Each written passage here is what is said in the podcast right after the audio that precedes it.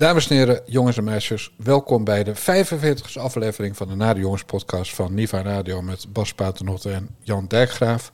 We hebben vandaag een natnekken special, maar we moeten natuurlijk met iets heel anders beginnen, namelijk dit. Mama, now we're tata. We want to wish you a happy new year, yeah, yeah, yeah, yeah. Sister, now we're brother. We want to wish you a happy new year, yeah, yeah, yeah, yeah. God save you, yeah, yeah. We're nephew, yeah. We want to wish you a happy new year, yeah, yeah, yeah, yeah. Everyone. Everybody, we want to wish you a happy new year, yeah, yeah. We wish you, we wish you, we wish you. We want to wish you a happy new year, yeah, yeah. Ja, We wish you, we wish you, we wish you. We want to wish you a happy new year, yeah, yeah. We thank our God, yeah, yeah. Duurt. For our life, we are very well. Happy New Year. Ja, en dan zeggen ze dat Afrika een achtergebleven continent is, maar eh, lijkt mij beter dan ABBA dit. Nee, maar dit, dit is toch ABBA? Nee, dit is niet altijd zo langdradig. Dit zijn de Jehovah Shalom a cappella zingers uit Afrika. Oké. Je hoorde toch wel dat ze geen woord Engels zongen? Of heb je dat niet? Ja, happy. Ja. Maar ja, year was ja, ja, ja, ja, ja, ja, ja, ja, ja, ja, ja, ja. Maar dit staat allemaal in jouw platenkast ook.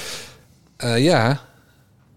LP, CD, cassettebandjes. Ik heb, eh, ik heb het hele oeuvre van de Jehovah Shalom a cappella zingers. Uit Zuid-Afrika. Afrika, ik weet niet of het Zuid-Afrika is. Oh, ik, ik dacht je zei Zuid-Afrika. Ja, dat heb ik misschien wel gezegd, maar weet ik veel. Ik, heb, eh, ik wil het nieuwe jaar vrolijk beginnen, Bas. En nu lok je me alweer uit om te zeggen... ja, ik kan ze allemaal niet uit elkaar houden... of ze nou uit Zimbabwe, Somalië of Zuid-Afrika komen. Maar dan ben ik weer een racist, dus waarom doe je dit nou? Gelukkig nieuwjaar, Jan Dijkgraaf. Jij ook, Bas Paternotte. Wat zijn je voornemens voor dit jaar? Ja, ik doe daar nooit aan. Ik bedoel, je, je kan zeggen, oh, ik ga stoppen met roken. eh, eh, ik ga minder eten. Ik ga, ik ga minder niet. drinken. Ik ga meer sporten. niet? Doe je niet? Nee, doe, je, doe, doe ik allemaal niet. Zijn er wel dingen waar je mee gaat stoppen? Nou, misschien stoppen we dus met deze podcast, hè? Ja, dat klopt. Maar daar komen we later nog wel op terug, Bas. Ja. Ja, nee, dat, dat is helemaal niet uit te sluiten. Hey, eh, gekke dingen gedaan met de auto Niel? Nee, nee. Vuurwerk? Het was, het was allemaal heel rustig. Niks. Ja, er was wel veel vuurwerk. Ga ik je straks meer over vertellen. Ja. Eh, gezopen, Weinig. gasten ontvangen. Nee, alleen met kerst hadden we één gast. Zo. En dat was het Nancy Sinatra het servies avondje, of niet? Ja, exact. Leg even uit. Voor inbrekers die, die denken, is het wat bij Bas? Het, Nancy Sinatra Ja. servies. Oh, dat heb ik vorig jaar. Hè? Lammert de Bruin, eh, verslaggever bij en vandaag. Die eh, verzamelt eh, memorabilia van met name Elvis Presley. Hij heeft een stuk hek van Graceland heeft hij op zolder liggen. Hij heeft een eh, dekbed van Elvis heeft hij, eh, heeft, hij, heeft, hij, heeft hij gekocht op een veiling. Hij heeft een bijbel van Elvis. En hij kon eh, vorig jaar eh, eh, op een veiling zag hij voorbij komen dat Nancy Sinatra, de dochter van Francis Albert Sinatra, een, eh, een servies in de aanbieding had. Een echt 90-delig servies. En daar heeft hij toen op geboden. En toen kreeg hij het. En toen kreeg hij een dag later een mail van, van het veilinghuis. Ja, we horen van de familie Sinatra dat, eh, dat het servies niet compleet is. Dus want er ontbraken twee borden en een kommetje of zo. Eh, dus als u wilt afzien van de koop, eh, dan hebben we er alle respect voor. Maar Lammert zei, nee joh, ik stuur maar op. Ja. En ik, ik weet niet hoeveel hij er precies voor heeft betaald. Maar omdat het zo groot was, waren het dus meerdere dozen. die eh, verzekerd vanuit Amerika werden overgestuurd. En dus de, de postverzorging was duurder Ja. eh, dan eh, ehm, eh, de eigenlijke aankoop. En dat vertelde hij op Twitter. En toen heb ik vier van die borden gekocht. Omdat ik er natuurlijk van uitga dat Frank Sinatra ook wel eens bij zijn dochter heeft gegeten. En uiteraard een van die vier borden van mij heeft aangeraakt. Ja, of alle vier. Of alle vier. Ja, dat kan ook. Mooi verhaal. Ja. En die borden zijn heel gebleven met kerst. Ja, het zijn heel gebleven. Het zijn hele stevige, hele stevige borden. Ja, oké. Hey, geen goede voornemens? Nou, lekker dan. Want eh, naar mijn weten heb je toch wel enig overgewicht. Ja, dat valt ook wel mee hoor. Ik ben, ik ben afgelopen jaar best wel veel afgevallen. Omdat, omdat ik nauwelijks meer naar restaurants kan. Ja. Eh, Cafébezoek. ja, Ja, eh, dat, is, dat is ook al ja dat, uitgesloten. dat, dat, dat zet ook aan, heb ik begrepen. Ja. Het is voor deze maand wel Dry January. eh, waarin eh, alle eh, het vrouwen van de Telegraafvrouwtjes en Libellenvrouwtjes en Margrietvrouwtjes een maat niet suipen. Hoe staat Mm. dat in Huizen Paternotte?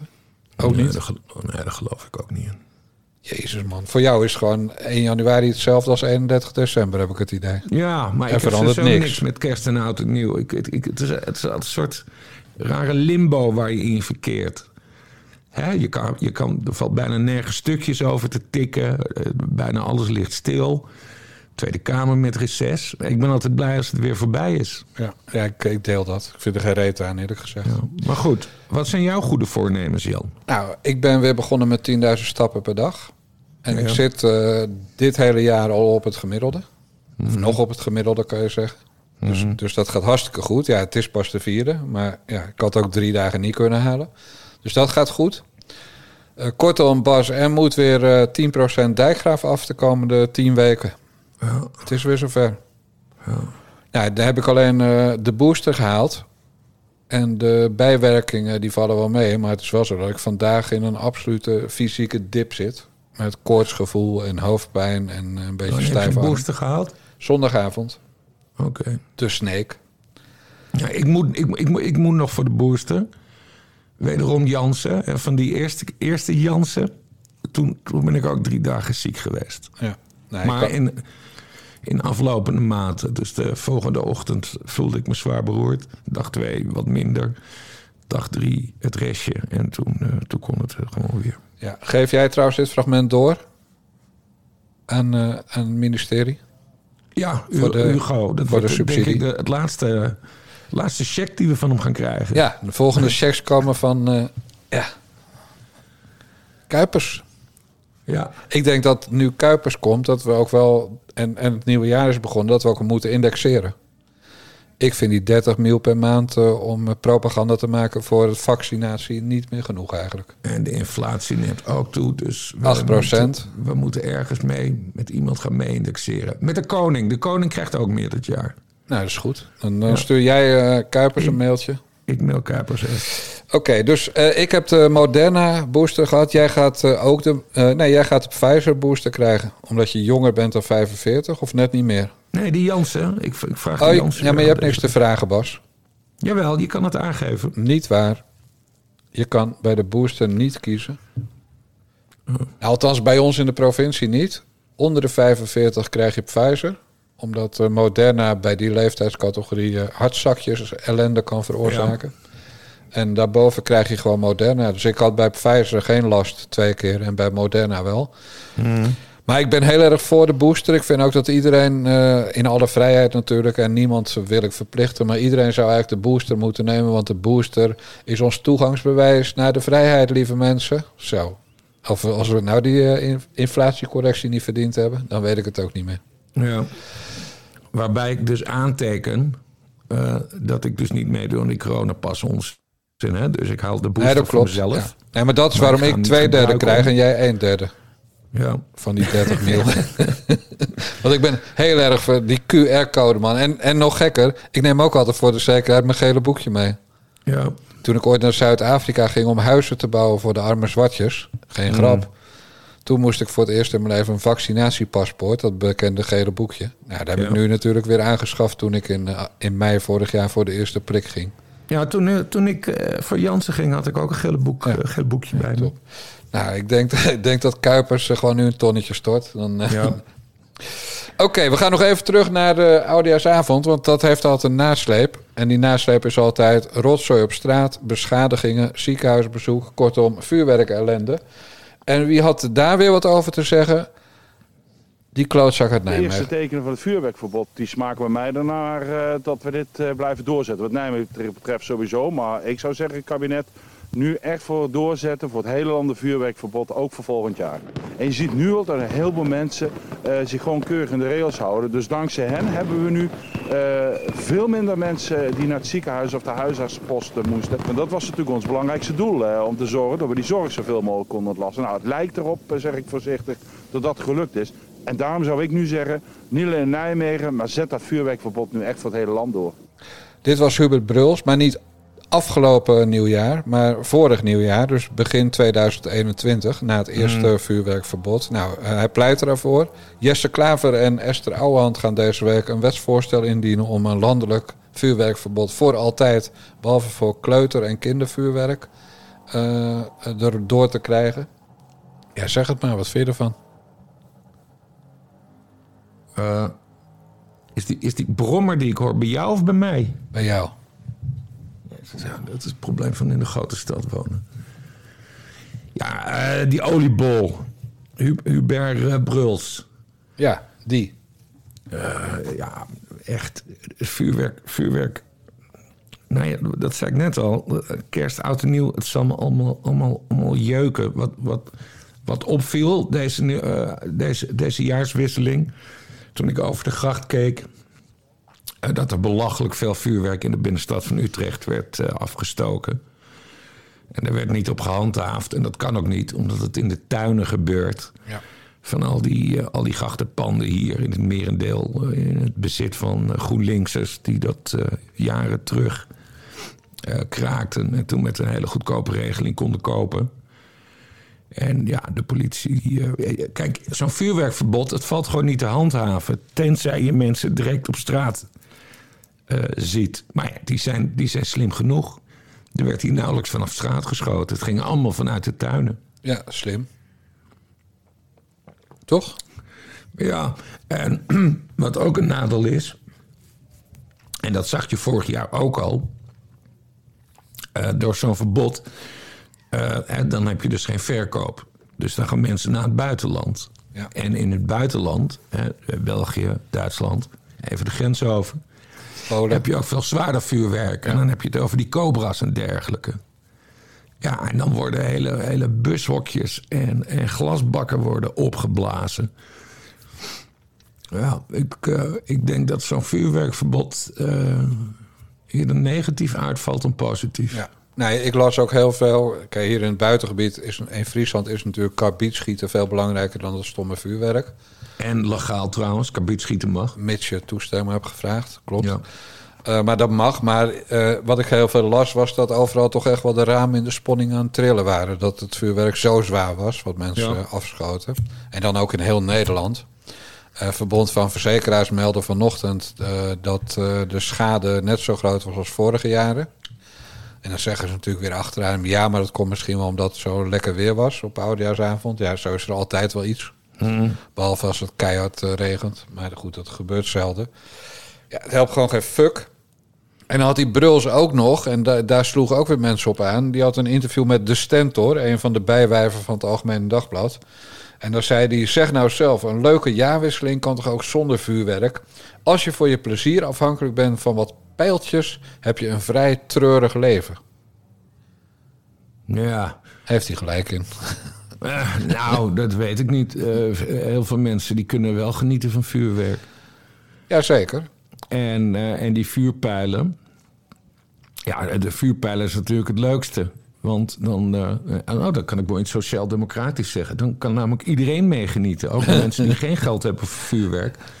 Hoeven alleen maar naar boven te kijken. En dan zien ze de prachtige, meest prachtige kleurencombinaties in de lucht ontploffen. En eh, ik, weet, ik zou het gewoon bij vuurpijlen houden en verbied de rest. Ja, en sterretjes, sterretjes zijn leuk. Maar al dat geknal, ja, dat is, dat is, snap ik wel, dat is gewoon kut. Maar de, het plan van Klaver en eh oude hand is niet om alleen maar eh, vuurpijlen te houden, maar om al het sier- en knalvuurwerk te verbieden. Ja. Oké, het geloof ik categorie F2 en F3. En dan inderdaad blijven alleen de sterretjes en de tre- trekrotjes over. Kortom, eh, kleutervuurwerk. Ja. En dan gaat inderdaad iedereen uit het buitenland. En dan noem jij België en Duitsland, maar Polen en Tsjechië is minstens zo erg. En er is nog gevaarlijker vuurwerk en nog harder. Ja, dat, dat, dat was vorig jaar. Dat, dat een gozer eh, werd opgepakt die vanuit Polen eh 2000 kilo eh, praktisch handgranaat eh, naar Nederland wilde slepen. Ja. Slecht voorstel van Bruls, Bas. Ja. En dat zo vroeg in het jaar. ja. Hij zit niet in het kabinet. Had jij hem verwacht? Nee. Oh? Ik Nee, dacht eigenlijk... goed, de, de, de Bruls, dat is, dat, is, dat is... Die moet gewoon lekker in de provincie blijven. En, en, en ja, welke, welke positie zou die moeten hebben gekregen dan? Hij doet een Nou ja, dat- Ken je zegt- de bekende foto van hem? Dan, dan is hij verkleed als Elvis. Ja, dat is ja, ja. echt gewoon, gewoon, gewoon een oliebol verkleed als Elvis Presley. Het is echt schandalig gewoon. Nee, zo iemand wil je niet in je kabinet. Vetshaming. Ja, nou, eh, dat mag in dit geval wel even hoor. Ja. En maar laten we... probeert voortdurend Nederland de les te lezen. Klopt. Moet vanuit zijn functie als hoofd van het, eh, weet het Veiligheidsberaad, hè, die groep van burgemeesters.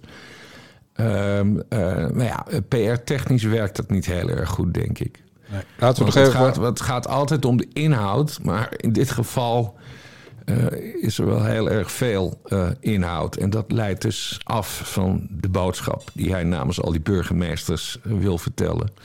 Ook al, ook al zijn trouwens niet alle burgemeesters het met elkaar eens. Het, is, het, het Veiligheidsberaad is eigenlijk een hele rare club. Ik zou niet weten hoe het anders moet, maar ja, goed. Ja, nou wat natuurlijk ook wel grappig is dat bij hem inderdaad iedereen over die pens begint. Hè? Met, eh, als je voor je plezier afhankelijk bent van wat zakken paprika chips, heb je een vrij treurig leven. Ja, Eh, en dat is natuurlijk ook zo. En dan, dan mag je weer niet zeggen dat, die, eh, dat elk pondje door het mondje gaat. Maar bij hem weten we het toevallig zeker. Want zijn vrouw heeft niet voor niks een verbod op zakken paprika chips ingesteld in Huizen Bruls. En hij mag alleen nog maar van die chips uit kokers. Hoe heet het ook alweer? Van, van ja ik, eet bijna, ik eet bijna nooit chips. Maar dit heeft in een interview gestaan met zijn dochter, toch? Of niet? Ja, weet ik veel. Ik heb het al drie keer verteld in de Naar de Jongens podcast, omdat ik het elke keer wel leuk vind. En, Ja. en wij hebben toch Pringles, elke week nieuwe Pringles Pringles, ja, ja. Ja. Hij mag alleen nog Pringles, omdat hij met die dikke worstpoten van hem er niet zo makkelijk in kan. Dus kan hij niet zo'n zo'n grote greep in die zak doen en in één keer alles in die, in die vette mond van hem proppen. Ja. Wat natuurlijk een buitengewoon onsmakelijk gezicht is met paprika chips. Ja. Dus dat, dat doet mevrouw eh, Bruls heel goed. En verder, ja, weet je, ik ben een beelddenker, Bas. Die mensen, misschien slapen ze wel in één bed. We mogen diep en diep medelijden hebben met... met Houd je bek. We mogen diep medelijden hebben met mevrouw Bruls, lijkt mij. Ja. Oké, nog een andere burgemeester over wie ik het even heel kort wil hebben... is die heks in Amsterdam. Femke. Ja, die natuurlijk de demonstratie van, eh van 99% goedwillende boze burgers op 2 januari verbood. Die vervolgens de zaak uit de hand liet lopen doordat dat de instructies niet helemaal duidelijk waren en de honden niet goed getraind waren. Nou, dat zal allemaal wel en ik weet hoe jij erover denkt. Maar wat ik een schande vind, was het filmpje wat we konden zien rond het pand Herengracht 74. Dat de politie een, eh, een groepje van dat antifa-tuig, grotendeels in zwart gekleed, met, eh, de, met eh, dingen over hun hoofd, zodat ze slecht herkenbaar waren. Maar de politie begeleidde dat groepje bij een eh, demonstratie, waarvan ik me afvraag of die was aangevraagd bij de gemeente. En wilde niet dat ze de Herengracht op gingen. En toen eh, zette, de, zette de politie een busje in de weg. Nou, daar liepen ze gewoon omheen. En toen eh, spoten ze een zootje verf tegen het pand Herengracht Ja, en 74. gooide nog een, een soort vuur, vuurrookbom Precies. eh. Ja, en maakte vervolgens agent Ari, maakte daar een foto van. Of oh ja, ik geloof die Ari heette.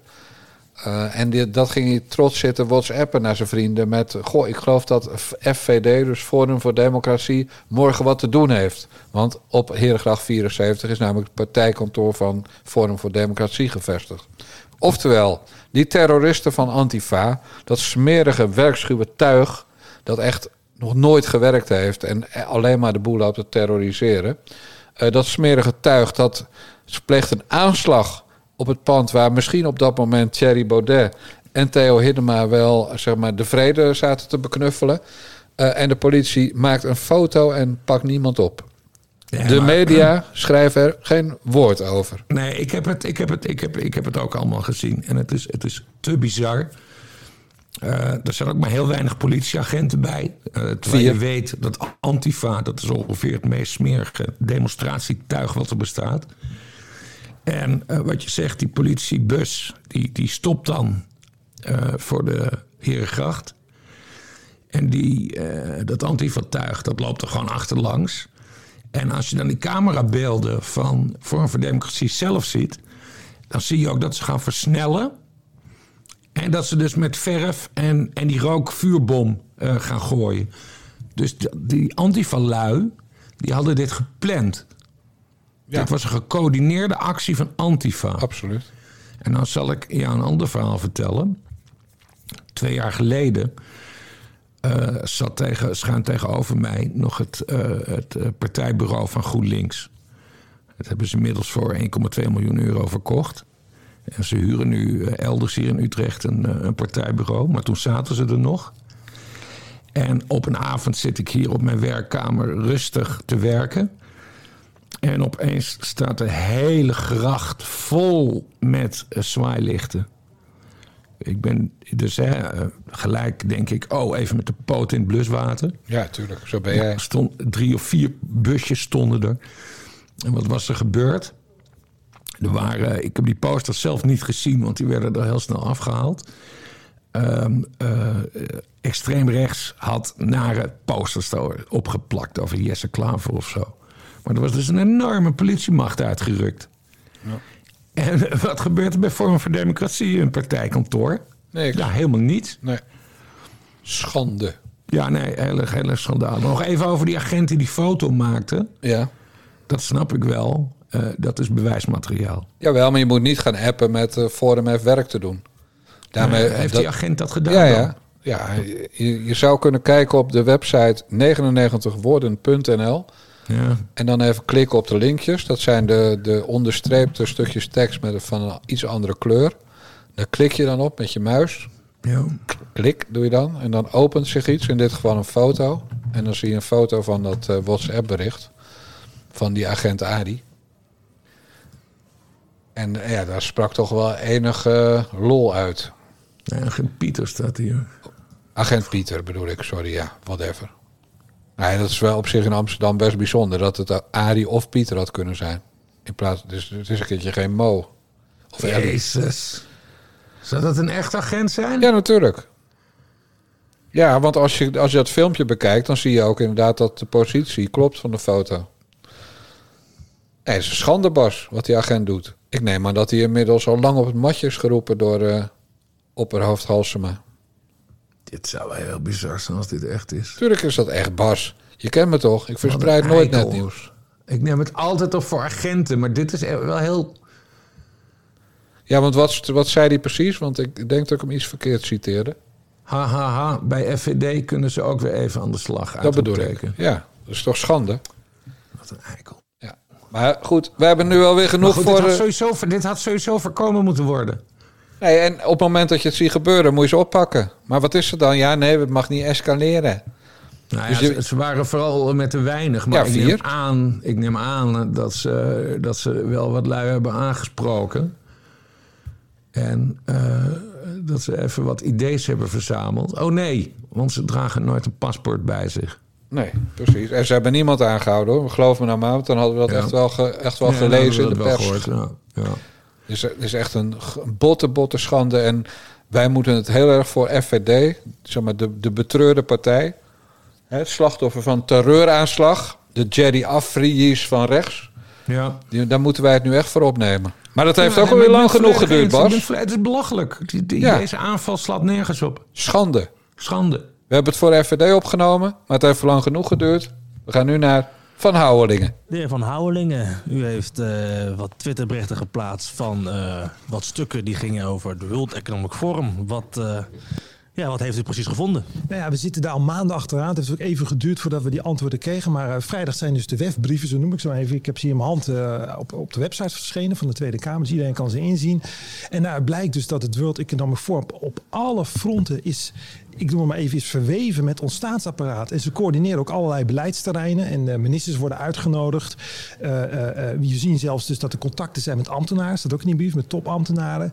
Als er een verzoek wordt ingediend, staat ook in de brieven... om, bijvoorbeeld een subsidie voor 651.000 euro... wordt het een paar weken later wordt het geaccordeerd door het kabinet. inclusief dat ze de mensen daarvoor leveren. En het WEF moet het allemaal goedkeuren. Dat staat in deze brieven. Dus je ziet een totale verwevenheid van een private organisatie... met globalistische doelstellingen... waar wij natuurlijk niet mee eens zijn met ons staatsapparaat. Dat is natuurlijk bizar. Hij zei hier, werf brieven. Maar ja. hij roept ook wel eens wat anders.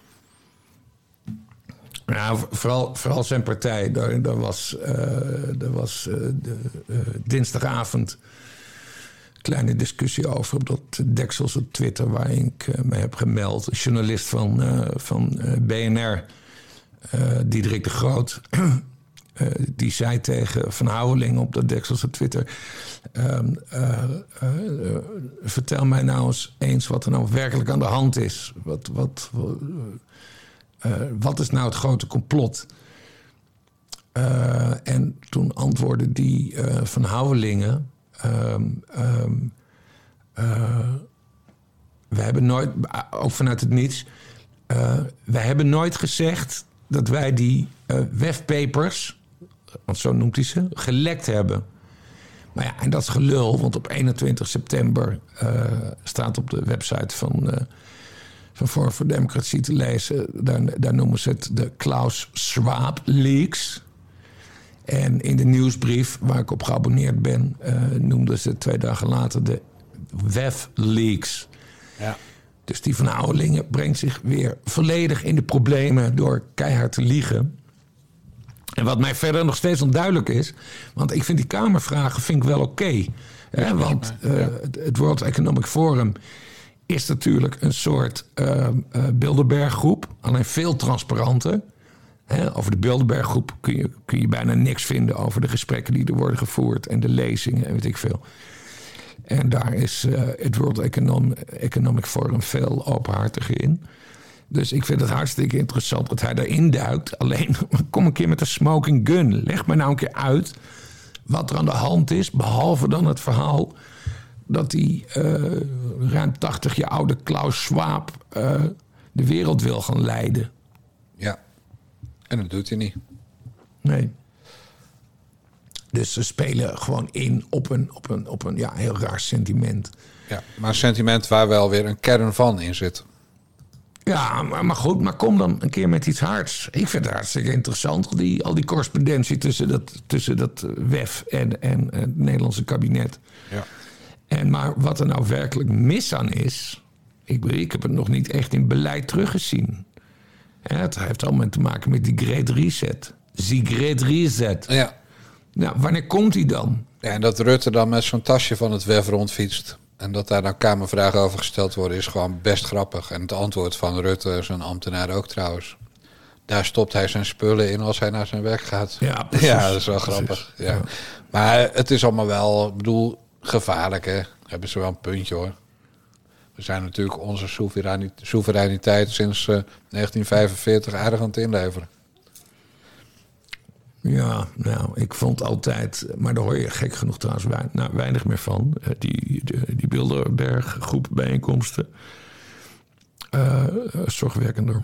Ja, en dat komt natuurlijk ook omdat de oprichter daarvan een volstrekt onbetrouwbare teringleier was. De prins. Ja. De moedige prins, de prins der Nederlanden, prins Bernhard. Ja, absoluut. de, de, de mogelijke vader van de nieuwe minister van Defensie. Dus zo heeft hij alsnog... Uh, zit hij er nog alsnog met zijn tengels aan indirect. Ja, ja. ja. Oh nee, dat mocht ik niet meer zeggen van jou, hè? Dat Olongren uh, heel veel uiterlijke kenmerken heeft die overeenkomen met die van Beatrix. Ja, dat is, dat is allemaal gebaseerd op die foto een keer op Prinsjesdag. Dat ze een glas wijn drinkt met... Uh... Dat ze samen in het raam staan. Ja. Dat je van de zijkant de neus lieve, over elkaar kan leggen. Beatrix en mevrouw Olongren en Jan Dijkgraaf... die meent daaruit te kunnen concluderen dat um, uh, Kaisha Longren een, een uh, hoe noem je dat? Een, een halfzuster is van, uh, van de prinses. Want verwekt door prins Bernard senior. Zoals zoveel vrouwen in de wereld. Ja, nou, ik geloof er niks van. Nou, ik vind het allemaal wel heel ranzig. Ja, ranzig. Ja, heel ranzig. Ja, ik wil de foto ook wel, wel Misschien, dat ze, misschien dat ze dan wel een goede minister van Defensie wordt. We wijken te veel af van het eigenlijke onderwerp. Ik, nee, want ik wil de hele tijd iets anders vertellen over Pepijn van Houwelingen. Want Nou, ik dan ben niet. erachter Vertel. gekomen dat Pepijn van Houwelingen controlled opposition is. Wat dan? Nou, dat zit als volgt. Werkte bij het Sociaal en Cultureel Planbureau.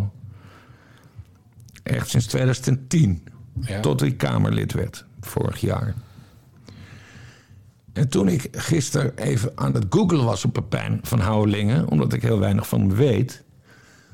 zag ik dat hij een afspraak heeft met Hugo de Jonge Wat dan? de baas van het ministerie van Volksgezondheid, waar het Sociaal Cultureel Planbureau onder valt. Hugo de Jonge, die overigens staat vermeld op de website van het World Economic Forum. Ja. Wat is er aan de hand?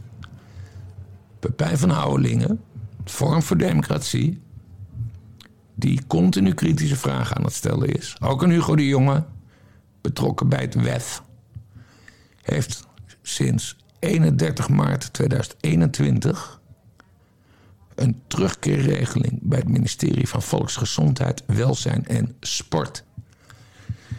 Dat betekent dat mocht Pepijn van Houwelingen onverhoopt geen Kamerlid meer zijn, of ermee willen stoppen, dat hij gewoon kan terugkeren bij het ministerie als ambtenaar. Wat raar. Ja, raar hè? Heel raar. Wat trouwens wel aardig is, eh, is dat je het gewoon kan terugvinden in de nevenactiviteiten en belangen van de leden. Dat is een register van de Tweede Kamer, waar eh, partijleider Thierry Baudet nooit iets in opgeeft. Maar Van Houwelingen heeft dat, eh, heeft dat eerlijk gezegd. Eh, ik heb een terugkeerregeling bij het ministerie van Volksgezondheid, Welzijn en Sport sinds 31 maart 2021. Controlled opposition, wat ik je brom, Jan. Ja. Ja, want de meesten gaan toch gewoon op wachtgeld? Ja, Maar hij moet weer gaan werken voor zijn geld. schijnbaar terug naar het ministerie, anders maak je niet zo'n afspraak. Nee. Waarom zou hij dat En het ministerie wil hem ook terug. Want zo'n terugkeerregeling is altijd, komt altijd van twee kanten. Ja. Ze, ze, hadden hem ook gewoon eervol kunnen ontslaan. ja. Zeker gezien het wachtgeldvangnet. Eh, ja, precies. Maar eh, nee, er is, een, eh, er is een terugkeerregeling. Dus nee, Pepijn van Houweling is controlled opposition. Kan niet anders. Dat is een vriendje van Hugo. Ja, Die weer een vriendje van het WEF is. precies. Dus dat betekent dat er een, weer nog, nog steeds een rat binnen Forum voor Democratie zit. Pepijn van Houwelingen, ambtenaar van het ministerie van Volksgezondheid. Ja. En die, eh, die Guido van Meijeren... eh, die heeft, eh, die heeft gewerkt voor... Die heeft ook voor Defensie gewerkt, volgens mij. En voor het bureau wetgeving van de Tweede Kamer. Misschien, misschien is het ook wel een, een mol. Heeft hij ook een terugkeerregeling? Daar staat niks in over in het register. Nee, maar dat zegt niks. Heb ik net van jou geleerd. Misschien heeft Thierry Baudet ook wel een terugkeerregeling. Nee, dan heeft hij nog nooit een baan gehad. een echte baan gehad. Nou, hebben Thierry ook weer gehad. Lekker man. ja. hey, we moeten naar een, eh, een, een ander Kamerlid die het verdient om op zijn flikker te krijgen vandaag. Even ter introductie. We hebben het hier over een fragment uit 2009 uit het programma De Wereld Draait Door. Dus je hoort als vragensteller slash interviewer Matthijs van Nieuwkerk. En degene die aan het woord is, is de toen eh 20-jarige PVV-stemmer Dirk Boswijk. Buurman Dirk Boswijk. Ja, klopt. Eh, waar vond uw gesprek plaats met, eh, met de heer Pechtold? In de Tweede Kamer. In de Tweede Kamer. Ja, ja. U was blij met de uitnodiging? Ja, dat, uiteraard. Vol gas gegeven? Eh, nou, dat deden zij wel, dus dat... eh, Ja. Wat heb je onthouden van dat gesprek? Heb je de indruk gekregen, nou, ik, ik moet er nog eens goed over nadenken, die PVV? Of denk je, nee, ik ben Eh, gesterkt in mijn idee dat de PVV mijn partij is? nou, nee, dat helemaal niet. Ik heb eh, PVV gestemd puur uit protest eigenlijk. En, eh, dat Protest heeft ook- tegen wat eigenlijk? Nou, dat, er, dat, dat we het in de politiek erg moeilijk vinden om problemen te benoemen. We, we draaien er graag omheen. We trekken er nog een paar miljoen links en rechts uit. En we zetten er nog een, een, eh, een commissie op. En die mag het gaan uitzoeken. Maar vervolgens wordt het probleem niet aangepakt. Eh, en daarom vind ik het... Het zegt iets soms een beetje gechargeerd. Maar dan vind ik het wel goed dat Wilders er wel benoemt. Europa, integratie. Eh, al ben ik het inderdaad niet met alles eens, maar het heeft er wel voor gezorgd dat er nu over gepraat wordt. Ik bedoel, ik word gebeld door, eh, door Alexander, Eh, ik zit hier. Zo. We hebben, zijn ook... eh, we hebben een minderheidskabinet natuurlijk. En dat is, vind ik positief, want daar, moet, daar is de oppositie ook nog een beetje actief. En, het, is, en, het, is natuurlijk ook, en het is natuurlijk ook wel, ja, vind ik, heel bijzonder... dat zelfs hele kleine partijen als bijvoorbeeld een SGP met maar twee zetels... ook ineens een sleutelrol hebben doordat er nou, zoveel eh, verschuivingen zijn. Ja, Dirk Boswijk was toen PVV-stemmer en nu Kamerlid voor het CDA. En die ging Ja. vandaag vreselijk in de fout. Vertel jij het? Ja, nee, we, we moeten eerst even uitleggen waarom hij bij eh, Alexander Pechtold zat. Oh ja. Dit gaat volgens mij over dat boekje dat Ja. Pechtold toen schreef eh, eh, over PVV-stemmers. Wat hij niet zelf heeft geschreven. Dat was eh, Bart Snels, eh, Kamerlid voor GroenLinks, die vorig jaar is, is opgestapt. Ehm, en die Boswijk, die, die laat zich er altijd op voorstaan van... ik ben PVV-stemmer geweest en daarom snap ik, de, snap ik het populisme heel goed. Ja. Nou, die dus. Maar die was vandaag op zoek naar billenkoek. Ja, hij begon, eh, hij begon, hij begon opeens eh, te tweeten met eh, Ton E. van Dijk. Je weet wie dat is. En Kim van Keken, twee, twee hele goede onderzoeksjournalisten. En dat ging over, ja, over al die filmpjes die in de Tweede Kamer worden gemaakt.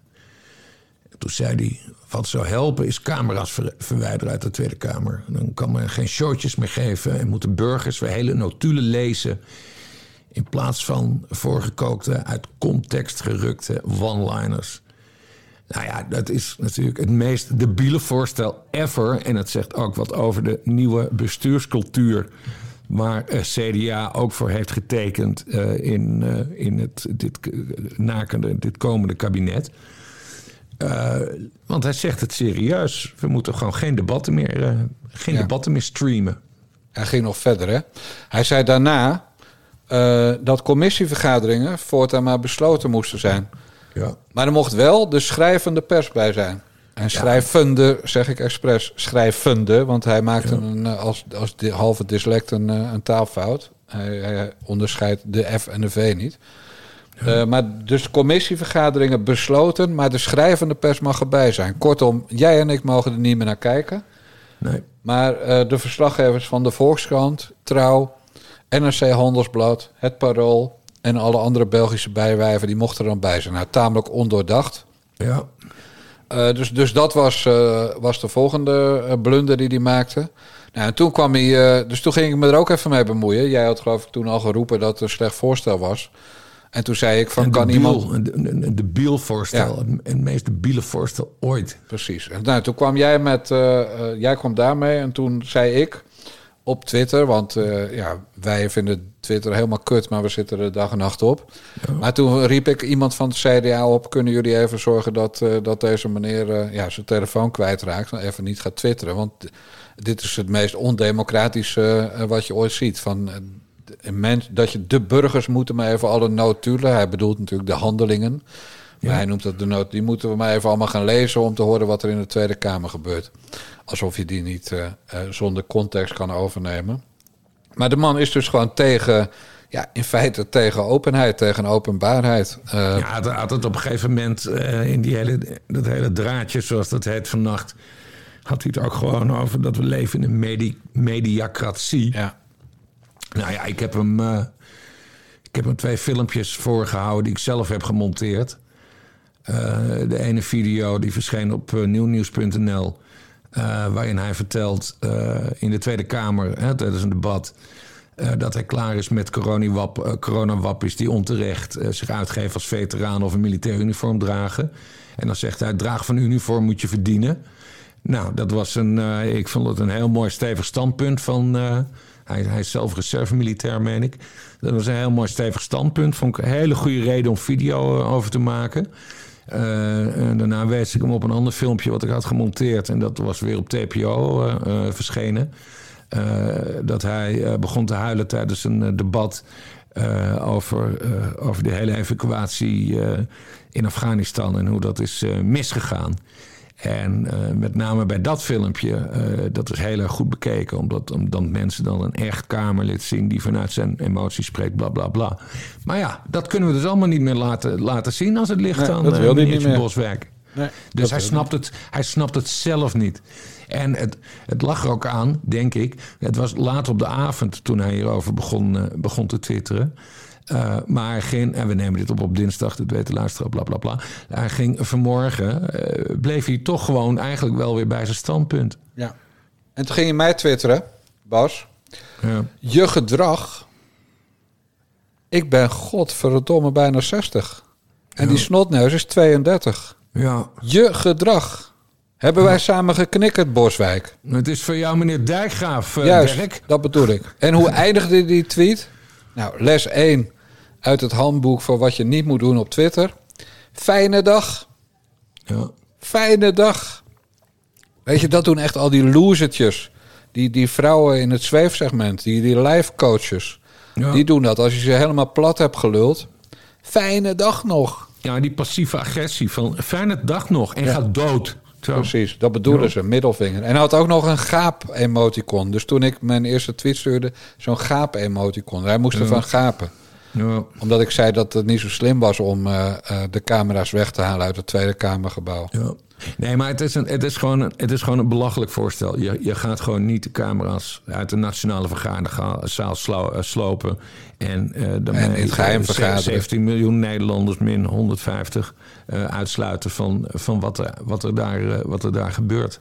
Precies. En het gaat, waar het, daar ging hij later, daar ging hij ook een beetje pingpongen van ja, nee, maar eh, het, het, het gaat me om die, om, die, om die filmpjes die worden gemonteerd. Ja, door wie worden die gemonteerd? Die worden gemonteerd door partijen. En de vorige Kamervoorzitter, Kadia Riep, eh, die heeft eh, daar ook Kamerleden heel vaak op aangesproken. Van kappers met die domme filmpjes. Hè? Dus dat, die specifieke knips en dat. eh, maar goed. En er dat, gebeurt eh, veel minder. Ja, dat gebeurt, dat, dat Dus het gebeurt is sowieso gewoon veel minder. Maar eh, ja, hij, hij snapt het gewoon niet. En eh, omdat hij, ik, dacht, ik dacht dus dat het te maken had dat hij misschien een borrel op had of zo. Ja, maar vanochtend niet, dat mag je hopen. Maar vano- vanochtend niet, mag ik hopen, inderdaad. En eh, dus dit is wel hoe hij hierin staat. Nou, dat vind ik erg, erg zorgwekkend. Ja, en jij kent mij al een aantal jaren, Bas Paternotte. Als iemand bij mij over de grens gaat, en dat ging je al met je gedrag, Ja, maar dat ging je zeker met de inhoud. Want iemand van het Christen Democratisch Appel, die dit soort teksten uitslaat, ja, die heeft echt scheid aan de burger. Die haat de burger. Die minacht de burger. ja. En ook de, die, die staat niet voor openheid. Nou, daar bijt ik me in vast. Dus ik ben gaan zoeken. Bas. En ik kwam tegen dat deze man drie boeken heeft geschreven. Eh, Oh. Op zich knap. Zijn uitgever heet Brave New Books. En dat is een uitgeverij waar eh, ja, elke huisvrouw zelf... eh dus een self-publisher. En dan kan je als huisvrouw zelf je boeken uitgeven. Dus je, je uploadt een Word-documentje en dan staat hij de volgende dag op bol, als het allemaal een beetje goed doet. En dat boek, het eerste boek heet Zoon van een emigrant. Dat gaat over eh, zijn opa die naar Amerika is geëmigreerd. Zijn tweede boek heet Waarom ik vertrek, uit 2017. Dat gaat over eh, zijn opa die naar Amerika is geëmigreerd. En zijn derde boek zal jou misschien wel aanspreken. Dat heet Theodore Roosevelt, de progressieve populist. Dus daar gaan we het verder niet over hebben als dat jou aanspreekt. Maar waar ik achter kwam, en dat, is- dat vind ik dan weer interessant, omdat ik natuurlijk ook SGP'ers in de familie heb. Eh, deze ex-PVV'er eh, is een gereformeerde bonder. En een gereformeerde bond is ongeveer, nou ik zal niet zeggen, die hebben het allerdonkerste zwartkousen qua zwarte kousenkerk. Maar het scheelt niet veel. Is bijvoorbeeld een kerk waar tot 2016 eigenlijk het zingen tijdens kerkdiensten verboden was. En in 2016 kwam de liedbundel Weerklank uit. Een aantal van die predikanten en organisten van die gereformeerde bondes... die hadden die liedbundel samengesteld. En dan moet ik even citeren. Deze bundel wil voorzien in verantwoorde liederen... die passen bij de gereformeerde liturgie. En anno 2019, dus ook nu nog, wordt de bundel in enkele tientallen gemeenten gelieerd aan de gereformeerde bond gebruikt. Dus ze mogen daar pas eigenlijk zes jaar, vijf jaar. Liedjes zingen in een kerk. Dat soort volk zit Boswijk eh, bij. Hij is eh, als middelbare scholier. Je weet dat ik de Rijksscholengemeenschap in Gouda heb eh, bezocht. Nou, er was nog een, een, christelijke, christelijk lyceum in Gouda... waar zeg maar, de normale christenen heen gingen. En verder had je de Driestar. En dat was eh, zeg maar het Blaasontstekingsинstituut voor meisjes. Eh, want alle meisjes moesten daar een rok eh, dragen tot net over de knie. Broeken verboden voor meisjes. Meisjes moesten vlechten in het haar, want los haar was van de duivel. Nou, zo'n school, daar heeft Dirk Boswijk dus zijn VMBO-opleiding genoten. En ik kan je iets vertellen, Bas. Heel veel van die jongens die zo zijn opgevoed... en die bij de gereformeerde bond zitten... die hebben een kronkel van hier tot... nou ja, al is het maar over eh, hun wereldbeeld. Maar die hebben een kronkel in hun hoofd... waar je echt helemaal eng van wordt. Dus deze gast, die is op het ene moment is die PVV'er... En, en dan gedraagt zich met zijn uh, uh, us bij Matthijs van Nieuwkerk. En zijn geglibber met, ja, ik ben het natuurlijk niet met alles eens, maar ik heb er wel op gestemd. Maar het ene moment is hij een PVV'er. Het volgende moment, en eigenlijk diep van binnen, is hij een, een extreem, eh, nou ja, rechts mag je niet zeggen, maar een extreem, extreem SGP-erig type. En dan zit hij bij het Christendemocratisch Appel, hè, democratie, waar gewoon vrouwelijk gezongen wordt, waar ook niet-christenen zoals zelfs Jan Dijkgraaf wel eens voor worden gevraagd. Moet jij niet eens iets bij ons gaan doen? Bij die partij is hij nu Kamerlid geworden. Ja, dit, dit is gewoon een chameleon. Dit mannetje deugt niet. En dit mannetje ga ik heel erg in de gaten houden. En dit, dit wordt gewoon een project. We hadden het eh, net over de neefactiviteiten en eh, belangen van Pepijn van Houwelingen. En ik had dat scherm nog openstaan. Dus ik denk, ik ga gelijk even kijken naar Boswijk. Er staat helemaal niks over dat hij drie boeken heeft geschreven. Dus de, Nee, ook niet doen, hoor, met die de inkomsten daarvan die heeft hij niet opgegeven. Hey, De- Ik zie ook dat hij eigenaar is van Boswijk Consultancy. Van 1 januari 2016 tot heden bezoldigd. Eh, te verwachten inkomsten, geen opgave. ja. Ook is hij reserveofficier bij de Koninklijke Landmacht, dat hadden we al gezegd. Tweede luitenant, hè? Het is wel weer onderklasse. Krijgt hij ook geld voor? Is dat zo? Ja. Maar zal jaarlijks achteraf worden gemeld. Nou, staat er dus niet hoeveel geld dat is. Ja, en dan geloof ik dat hij heel erg geprezen wordt omdat hij ook eh, uitgezonden is als militair. Klopt dat? Of, Ja, ik weet niet of is hij dat niet? uitgezonden. Nou oké, eh, het is ook een watje, kan ik dan, kan ik dan wel, durf ik dan wel te zeggen. Nou, Want hij heeft in 2016, hè, dus, dus in de kracht van zijn leven, toen was hij gast 26, heeft hij geprobeerd voor een van de goed doel de Mont Blanc te beklimmen. Nou, je raadt het al. Niet gelukt. oké. Afgehaakt.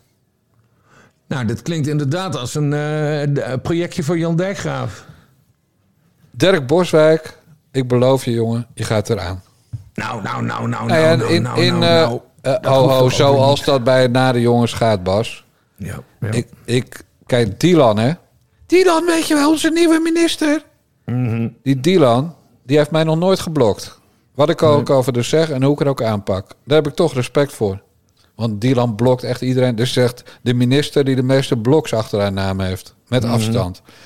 Maar ik ga ervoor zorgen dat Dirk Boswijk mij zo, zo ongelooflijk spuugzat wordt... dat hij me gaat blokken. Ja. Nee, het is mooi. maar Qua goede, Goed nou, project. goed voornemen. Je hebt een goed voornemen. Ik heb er zin in. Ja. En alleen maar omdat hij het over je gedrag heeft. Tegen Ja. een man van bijna 60. Ik had verdomme zijn vader kunnen zijn als ik ook van de gereformeerde bond was en in de zwarte kousenkerk zat. En wel hield van vrouwen met knotjes eh, die helemaal in zwart of grijs gekleed zijn. En die drie keer op een zondag naar de kerk gaan en daar niet zingen. Ja, dat zit, Het heeft één voordeel, een- Bas. Als, als SGP'ers het doen, hè, dan zit er ook een laken tussen. Dat is toch de SGP? Dat is een laken met een gat. Ja, En daar gaat dan zeg Maar- maar het, het- het- de, de Ja, penis maar- doorheen. maar je moet niet te veel vertellen, want ik heb ook familie van de SGP. Nee, en maar ik heb de natuurlijk verhaal neven klopt al. dus toch dat ze het zo doen. Nee, nee, maar dat klopt wel. Kijk, het enige voordeel wat ik van die gereformeerde bond kan zeggen is... ze gaan niet voor het zingen de kerk uit. Want er wordt niet gezongen. Boswijk, je bent voor mij vriend. Want je gedrag staat mij niet aan. Fijne dag. Volgend onderwerp. Wat ik lees is dat we nu voor een heel ingewikkeld dilemma staan. Dat nu al zeven ziekenhuizen tegen hartpatiënten, kankerpatiënten moeten zeggen... we hebben de komende zes weken even geen plek. Dat zou wel moeten voor jou, voor jouw gezondheid, maar het lukt ons nu niet. Omdat er te veel bedden bezet zijn door ongevaccineerde coronapatiënten. Hoe gaan we daar nu mee om? Gaan we dan nog even aanmodderen, nog langer anderhalve meter, nog langer andere beperkingen? Of zeggen we, nee, we kunnen wel de samenleving veilig openen. Dat lees ik ook in het advies, maar dan moeten we wel die toegangsbewijzen inzetten. En die keuze maken wij. We weten steeds meer en dat betekent dat uh, ja, de, de feiten meer en meer dat we daar rekening mee moeten gaan houden. Dus ik zeg ook van tegen andere wetenschappers: bereid je maar vast voor. Hè, wat nu klimaatwetenschappers ondergaan, dan ga jij misschien straks als, als bioloog of als medicus of weet ik wat voor, als, als uh, kunstmatige intelligentiepersoon, daar ga je ook tegenaan lopen. Namelijk dat, je, dat, dat jouw bevindingen in twijfel worden getrokken. Ja, in ieder geval dat mensen de, de boodschap niet welkom is. Nou, we hoorden achterin volgens Bas Paternotte en Jan Dijkgraaf. Zo gaat dat, hè? Twee ja. D66'ers, een Paternotte en een Dijkgraaf. Wat staat mij te wachten, Bas? Uh, Robert Dijkgraaf, die wordt dus uh, minister. Maar hij heet, Robert. En jij heet Jan. Hij heet Robert eigenlijk. Hij noemt zich Robert. Oh mijn god, is dat echt waar? Ja, ja. Oh, ja, ja leer, mij, leer mij achterneef Robert kennen. Oké, okay, ja. Nou, maar goed, kijk, jullie, de dijkgraafjes, zijn sowieso die Kennedys. Ik bedoel, uh, je neef Albert Dijkgraaf was Kamerlid voor de SGP. Je hebt zelf een poging gedaan in de Tweede Kamer te komen. En, uh, en nu Robert, die, die zelfs minister wordt. Ik, ik, heb alleen maar een, uh, ik heb alleen maar een neefje die in, bij D66 zit. Maar die wordt wel fractievoorzitter. Ja, hangt er vanaf. Weet niet. Ga verder. Nou, ik heb verder helemaal niks te vertellen. Ja, wat staat me te wachten? Want ik zie jou elke keer kwaad worden op Twitter. Ja, dat, maar dat heeft te maken met het algoritme. En dat, en dat komt omdat, omdat je Jan Paternotte, uh, JAN, drie letters... en Bas Paternotte, BAS, drie letters... En we begeven ons ook nog uh, op hetzelfde onderwerp, namelijk de politiek. En het, ja, het is gewoon, het is gewoon strontvervelend, vooral als landelijke media het overnemen. Hè, RTL uh, heeft het uh, vorig jaar nog gedaan. NOS, dan zie je mijn neefje in beeld en er staat er Bas Paternotte D66. Ja, ik ben een eenvoudige freelance journalist. Het is ontzettend slecht voor mijn merk. Dat, dat ja, ik dan voor. Kost je handel. Kost me handel, ja. En wordt dat vergoed door D66? Nee, nee, nee, dat willen ze niet. Dat willen ze niet. Ik heb wel eens overwogen om een factuur te sturen van... Ja. Uh, ja, het, ja, ik kan me heel goed voorstellen dat fatsoenlijke opdrachtgevers niks met iemand van D66 te maken nee, willen exact, hebben. Exact. Ja, maar dat ga ik denk jij niet krijgen. Nee, ik denk Omdat Robert meer letters is dan Jan. Ja, ja. Dat, dat is de verklaring. En durf jij nog wel gewoon over straat? Ja hoor, ik durf prima over straat. En klopt het dat jij je oren hebt laten rechtzetten? Dit is echt, hier ga ik niet op in. Ja, dat is een ja, dat weet nee, je. Mijn, ja. nee, maar serieus. Jan Paternotte is mijn lieve, lieve neefje. En ik ben heel blij voor hem dat hij in de Tweede Kamer zit. En ik wens hem alle goeds toe. En uh, ik kan erg goed met hem opschieten. Maar we, we scheiden dit verder voorlopig. We hebben, het ook, we hebben ook nooit uh, uh, contact over, over politieke zaken of zo. Um, of hij nu fractievoorzitter wordt of niet. Er zijn natuurlijk meer kapers uh, op de kust. Hij gaat, mij, hij gaat mij dat sowieso niet vertellen. Dus ik ga het hem niet eens vragen. Ik ga ook niet vragen of het zijn ambitie is. Maar de D66-fractie zal dat binnenkort wel moeten besluiten. Ik denk dat er meer kapers op de kust zijn. Uh, hoe heet ze? Belhai? Sam, Samile ja. Belhai? Ja, die, die is uh, wel zeker. En ik las ook Shoot, uh, Shoot W. Shootsma. Ja, nee, Belhai is, uh, is defensiewoordvoerster van... ja, en redelijk goed. Van, van de fractie. Ja, waarom is die geen, uh, wordt die geen minister van Defensie in plaats van, uh, in plaats van Kajsa? Nou, dat heb ik jou net uitgelegd over die foto van dat neusje. Ja, nee, oké, oké, oké. Uh, en dan heb je inderdaad Sjoerd Sjoerdsma. Maar als ik D66 was, zou ik dat niet doen. Want dan, dan dat, die zure kop, dat wil niemand zien. Nee. En dan heb je nog Steven van Wijberg. Die, kleurloos. Ja, volstrekt kleurloos ambtenaar type. Dus het zal wel gaan tussen Paternotte en Belhai, denk ik. En voor wie ben jij dan? Ik, uh, ik, uh, ik wens de, de overwinnaar alle lof toe. Nee, maar je weet dat, dat ja, het is ook status, het is ook geld. Eh, een fractievoorzitter krijgt meer centen. Hij wordt, Nou ja, hij eh, wordt nog vervelender als hij het niet wordt. ik- Als ik mij verplaats in het politicus zijn... Ja, dan lijkt fractievoorzitter mij een hele spannende, spannende leuke job. Ik ga er echt verder niks over zeggen. Ja, maar je, je vindt het toch leuk dat je neef eh, fractievoorzitter wordt, man? Dan kan je toch wel zeggen, doe niet zo... Doe niet zo- Nee. Nee, ja, nee. eh, ik vind het persoonlijk leuk voor hem. Ja, maar toch ook Maar, voor de- maar mijn, mijn, mijn, mijn Twitter-tijdlijn wordt dan gewoon, gewoon nog erger. eh, 200% extra volgekotst met domme lui die het verschil niet zien. Ja, oké. Nee, goed, ik, ik ben helemaal opgelucht. Want ja, Robert is dus geen Jan volgens de algoritmes. Nou, dat klopt. Eh, dus ik krijg nergens last van. Ja. Het is wel leuk om dat mensen nu ook zien dat er in de dijkgraaftak ook mensen zijn die minder slim zijn dan ik. Hè? Dat is, dat, Ja, de snaartheorie toch? Daar is hij bekend mee geworden. ja, weet ik veel. Ik Ja, ben, ik ben een, een halve alfa man. Ja. En, en nog, eh, ik hou ook wel van economie, maar eh, natuurkunde, hou eens op. Dat was, eh, Maar was die, die dijkgraaf, want ik, we kennen hem natuurlijk van de tv. Hè? Hij, zat heel vaak bij De Wereld Draait Door. En hij heeft volgens mij ook zo'n meerdere shows van die, van die Ja. colleges heeft hij gegeven in samenwerking met, met de VARA. Het, het, het, het- het is wel een innemende, sympathieke gozer op het, op het tv-scherm. Maar de vraag is of je daarmee redt in, eh, in vak K. Want hij heeft natuurlijk nul politieke ervaring. Ja, het is dat, eh, de vraag is denk ik of hij humor heeft. Want je, moet maar met zijn niveau en zijn IQ moet je maar in staat zijn om allerlei jokers in de Tweede Kamer serieus te nemen. Ja. Dat is natuurlijk heel moeilijk. En dat geldt, dat hij zegt echt niet iets over. of- De grootte van een fractie zegt helemaal niets. Er zitten bij kleine fracties veel slimmere mensen soms dan bij grote fracties. Ja.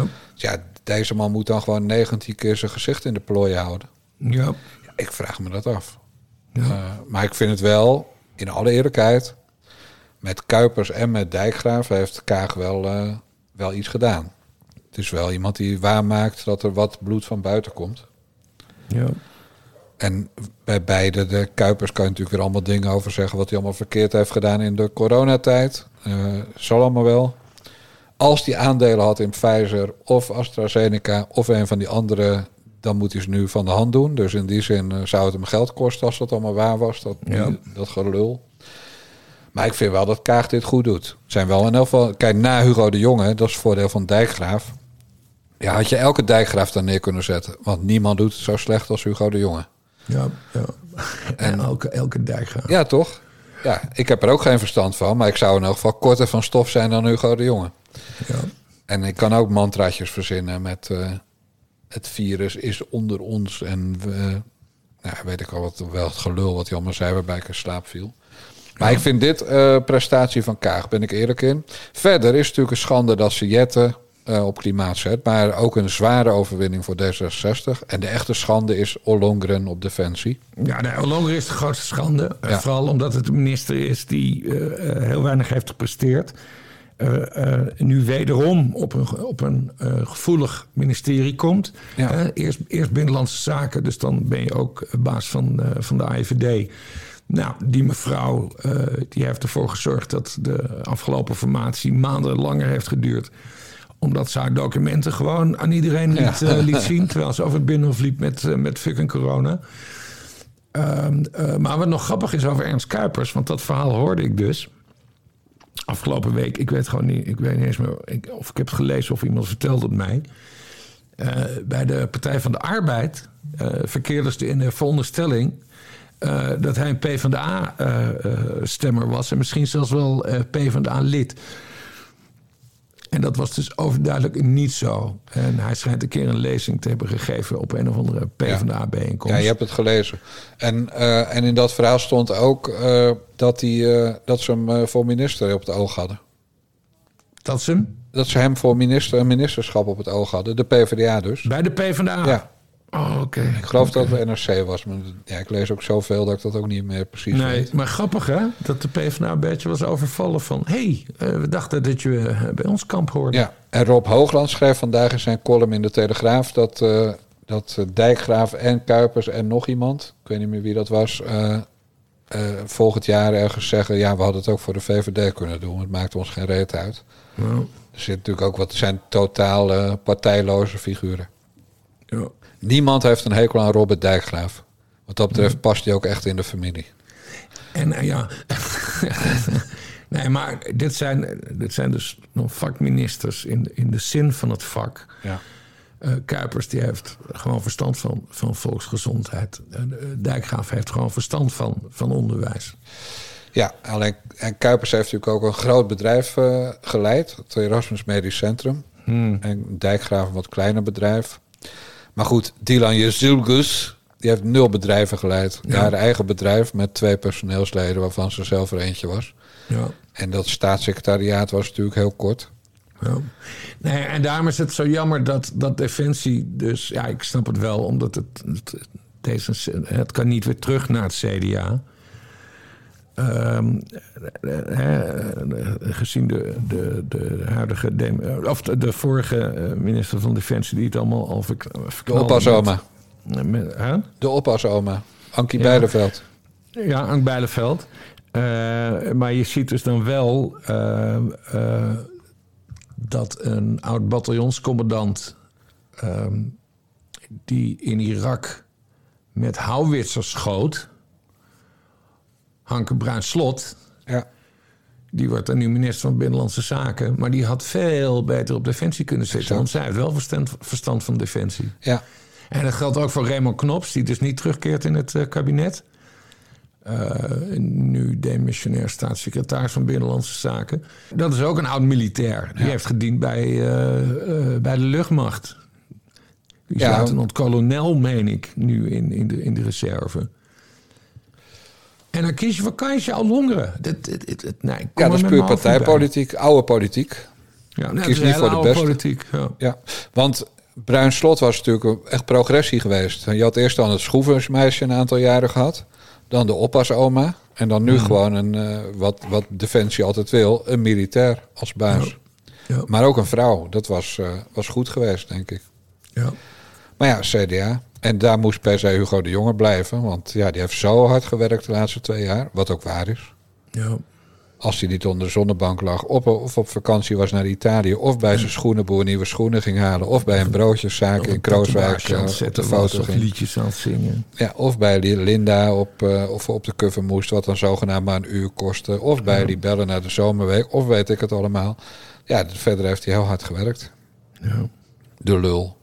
Ja, het, wordt wenners. Al persconferenties die gewoon eh, eh, ja, de helft van de tijd gaan kosten. Ja. Met Kuipers in plaats van de jongen. Ik heb er wel zin in. Ja. ja, dat is een groot voordeel. Nederland heeft er zin in. Laat die corona nog maar twee jaar duren. Nu we een goede minister krijgen op eh, volksgezondheid. Ja. hey Bas, laten we vrolijk eindigen met een prijswinnaar. In het noorden van het land, daar vroor het vanochtend en dat leverde ruige rijp op. En dat zie je niet zo vaak, want het kan alleen maar in combinatie van vorst en mist. En de wind die blaast dan de waterdruppeltjes tegen de takken aan. En dan krijg je ijskristallen en die groeien in de richting van de wind. Dus je kunt ook zien waar de wind vandaan gekomen is. Die kwam van deze kant. En die druppeltjes die groeien dan aan die kant van de kristallen. Een prachtig gezicht is niet zo vaak te zien. En wat ook bijzonder is, is dat, de- hoe- dat het aantal keren dat die mist voorkomt... de afgelopen 30 jaar heel sterk is afgenomen. In 1980 hadden we nog ongeveer 60 dagen met mist.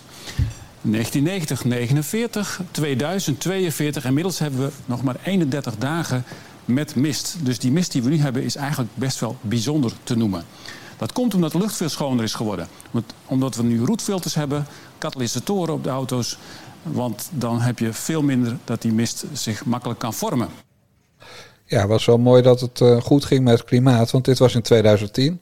Gerrit Hiemstra, winnaar van de Machiavelli-prijs. En ik zal even Wikipedia opdreunen. De Machiavella-prijs is een Nederlandse prijs die jaarlijks wordt uitgereikt aan een politicus of organisatie die volgens de stichting Machiavelli een markante bijdrage heeft geleverd aan de communicatie tussen politiek, overheid en burgers. En die ging dus naar Gerrit Hiemstra, een weerman. Ruige rijp. Wat een Mooi, term, hè? zeg. Ja, Ja. dat vond ik wel mooi. Ja, ik vond het sowieso wel een mooi fragment. Want hij, Ja, hij ging op het eind dus vertellen hoe goed het ging met het klimaat. En je merkte dat hij daar wat moeite mee had. Dus, dus daar eh, hikte hij een beetje. Eh, maar het grappige is, in een krantenkop, ik geloof in NRC, stond vandaag dat hij, die Weerman dus, het boegbeeld van de klimaatbeweging is. Ja, weet je, in 1999 ging de Machiavelli-prijs naar de illegale pers in Nederland. In 2015 naar die, eh, het onderzoeks, het bureau, eh, OVV, Onderzoeksbureau voor de Veiligheid. Nou ja, Pieter Ja. van Vollenhoven. Ja, Pieter van Vollenhoven. Ja, in 2019 naar Bellingcat, wat je er ook van vindt. Dus zeg maar dat dat waren eh, ja, organisaties die echt iets te betekenen hadden. En echt eh, iets ja, goeds hebben gedaan. En nu gewoon een, een boegbeeld van de klimaatbeweging. Oftewel een klimaatactivist die zich verkleedt als weerman. En dan ga ik natuurlijk even graven. Ja, wie zit er dan in de jury? Tom van der Lee van GroenLinks. Nou, Oké, logisch hè, dat hij voor zo iemand kiest. Maar ook Carla Joosten van Elsevier en WNL. Fons Lambie van RTL. Remco Meijer van de Volkskrant. En Wilco Boom van de NOS. Dus die kiezen deze gast. En dat loopt allemaal dus weer dwars door elkaar heen. Omdat, omdat hij niet alleen weerman is. Maar dus ook een soort opiniemaker. Ik zie hem, want ik, ik heb hem, volg hem of volg hem niet meer, dat weet ik niet, op Twitter. Maar hij gaat ook altijd in discussie. Eh, Daar wordt hij over geroemd. En vervolgens zie je dat hij iedereen weer blokt. Ja. En, maar ik, vind- ik vind die hele klimaatdiscussie eh, nauwelijks interessant. Eh, dus dus, dus ik, heb, ik heb daar een slecht oog op. eh. Nee, maar wat interessant Hij is... Maar hij is, hij is wel, eh, want dat weet ik dan weer. Hij heeft weer online opgericht. Dat is zeg maar een van de, de grootste eh, weernieuwswebsites van Nederland. En heeft hij voor veel geld verkocht. Ja, miljoenen. Maar zo'n website die, die wordt gehost natuurlijk. Ja. Zijn toen... een, in een, in een, eh, hoe heet dat, hostingcentrum waar al die servers staan. Zo'n datacenter. Een datacenter. En dat kost weer heel veel stroom, las ik ergens. Ja, en ik begreep dat zijn ex-partner in, in Weer Online... dat die nu in de eh, zonnepanelenhandel zit. Wat natuurlijk een zwaar gesubsidieerde handel is. Maar het grappige is, de Machiavelli-prijs... die gaat natuurlijk over communicatie. En als Gerrit Hiemstra nou om één ding bekend staat... is het eh, inderdaad dat hij iedereen die, die even een beetje tegengas geeft... de tyfus blokt. Ja. Dus het is wel communicatie, maar wel eenzijdig, eenrichtingsverkeer. Eenzijdige communicatie. Ja. En je moet beknipmessen voor Gerrit Hiemstra, want anders eh, ja, dan krijg je een blok aan je, aan je, aan je, blok aan je donder. Ja, ja het, het is vooral een hele, hele het is zo'n zo'n typische Haagse Inteeltprijs. Prijs is het gewoon. Precies. Dat, dat, eh, Gerrit Hiemstra heeft een bedrijf in Amersfoort. Hij werkt namelijk maar twee dagen in de week, eh, is hij weerman. En verder heeft hij weer een nieuw bedrijf eh, op het gebied van weer in Amersfoort. Dus hij rijdt elke dag met zijn, zijn elektrische auto vanuit Balk, jou wel bekend. Waar hij een, een miljoenen villa aan de Luts heeft. Op een hele grote lap grond. Maar wel klimaatneutraal, die villa, zegt hij. Eh, maar dan rijdt hij elke dag, of elke keer als hij erheen gaat naar Amersfoort. Of hij rijdt naar eh, een lezing ergens in het land. ik vind het wel leuk dat ze een rivier voor Lutz Jacobi hebben genoemd. In, eh, Ja, Luts met een S in dit geval. Ja. De Luts. Oh, met een S, Ja, jammer. ja dat, is dan, dat is weer fout van de ouders van Luts, want de rivier was er eerder, neem ik aan.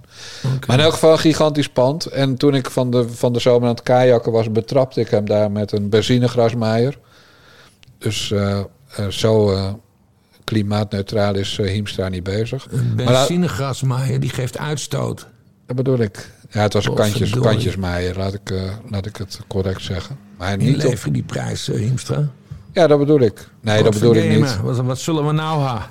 Maar weet je, het grappige van mensen die zeggen dat ze klimaatneutraal zijn. Maar als je op 2000, als stel dat hij twee kinderen heeft, hè, ik weet het niet. En je moet ook nooit kinderen erbij halen. Zeker niet van mensen met rood haar. Maar stel dat hij twee kinderen heeft. En dan moet je ook niet op 2000 vierkante meter grond wonen. Hoe klimaatneutraal je ook bent. Ja. Want op 2000 vierkante meter grond kunnen ook in Balk maximaal zes, of makkel- makkelijk zes tot tien huizen staan. Ja. Dus dan kunnen daar ja, veel meer mensen op hetzelfde stukje aarde leven. nee, maar dat is toch zo? Ja. Bedoel, als je nou echt zo'n eh, zo over je, je, over je ecologische footprint in zit, dan ga je niet eh, op 2000 meter grond aan de luts kopen om daar een gigantische villa neer te zetten. Doe je gewoon niet. Ben je gewoon een ASO. Ja. Nou, en hij blokt iedereen de tyfus. Dus ik vind het gewoon stom dat hij die prijs heeft gehad. Ik vind dat jij hem het had is moeten krijgen. weer zo'n figuur van het een zeggen en het ander doen. Ja, de- deels doet hij het dus wel. Want dat, dat huis is ook gebouwd met allemaal eh, met hout bijvoorbeeld veel meer dan steen. Want dat is ook beter voor het milieu. Het zal allemaal wel. Maar ik denk altijd, Bas, maar ik zeg dit zachtjes. Allemaal gesponsord natuurlijk. Want als de oude maatje in de zonnepanelen zit en dat dak in Balk ligt vol met zonnepanelen, zal die dan de volle map hebben betaald? Nou, voor mij mag het. Dat hij het gratis krijgt. Ja, dat is een goede. Ja. Ja. En die Tesla, of welk merk het ook is, Gerrit Hiemstra laat zich misschien wel afsponsoren. Dat bedoel ik. Misschien, misschien is zijn haarkleur ook wel niet echt. Heeft hij net als Wilders eh, een deeltje met een verfmerk. Alleen die, eh die benzinegasmaaier. dat- Kantjesmeijer. Dat durft hij niet eh, ehm, af te sponsoren, denk ik. Want als dat uitkomt, Ja, dan ga je nat. dan gaat hij al helemaal nat. Dus dat is niet in de boeken terug te vinden, denk ik. Nee. Maar het maakt ook niet uit. Hè? Ik bedoel, die man is ondernemer. En bij de NOS hoef je ook niet eh, onafhankelijk te zijn... als je er maar twee dagen in de week het, het weer, weer praatje doet. Ja. Maar grappig is natuurlijk dat dit soort lui altijd roepen bij kou. Hè, we hadden vandaag sneeuw in Saudi-Arabië. Ik weet niet of je het gezien hebt. Maar dan is het het weer. Ja. Maar op het moment dat we hier twee lekker warme zomertjes hebben... is het het klimaat. Ja. En als er in, in Maastricht en, en omgeving een beetje een overstroming is... ook eens een keertje, is het het klimaat. Ja. Nou, in 53 ging het echt niet over het klimaat. En bovendien, dit is het land van de dijken. Ja.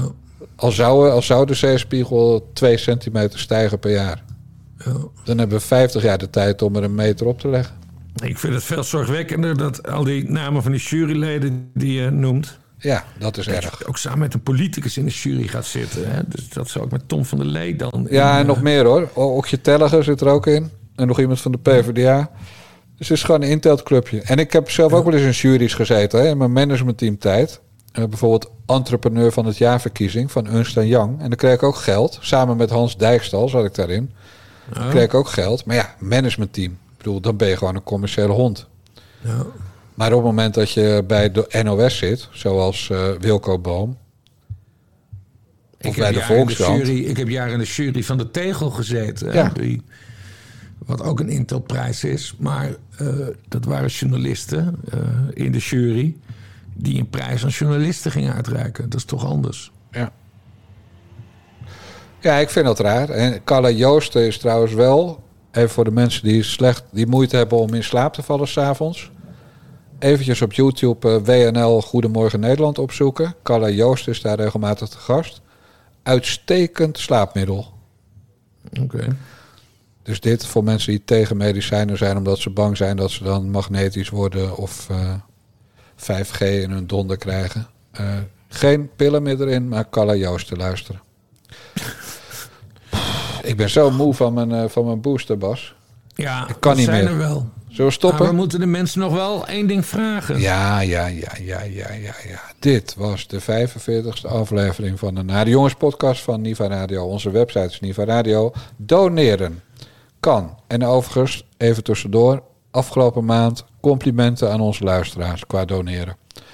Maar ga zo door. Doneren kan bij de Nare Jongens podcast op tpo.nl via narejongens.backme.org of via bunk met een q.me slash Niva Radio. En over zeven weken weten jullie precies hoe blij we nog met jullie zijn. De mazzel. Doei doei.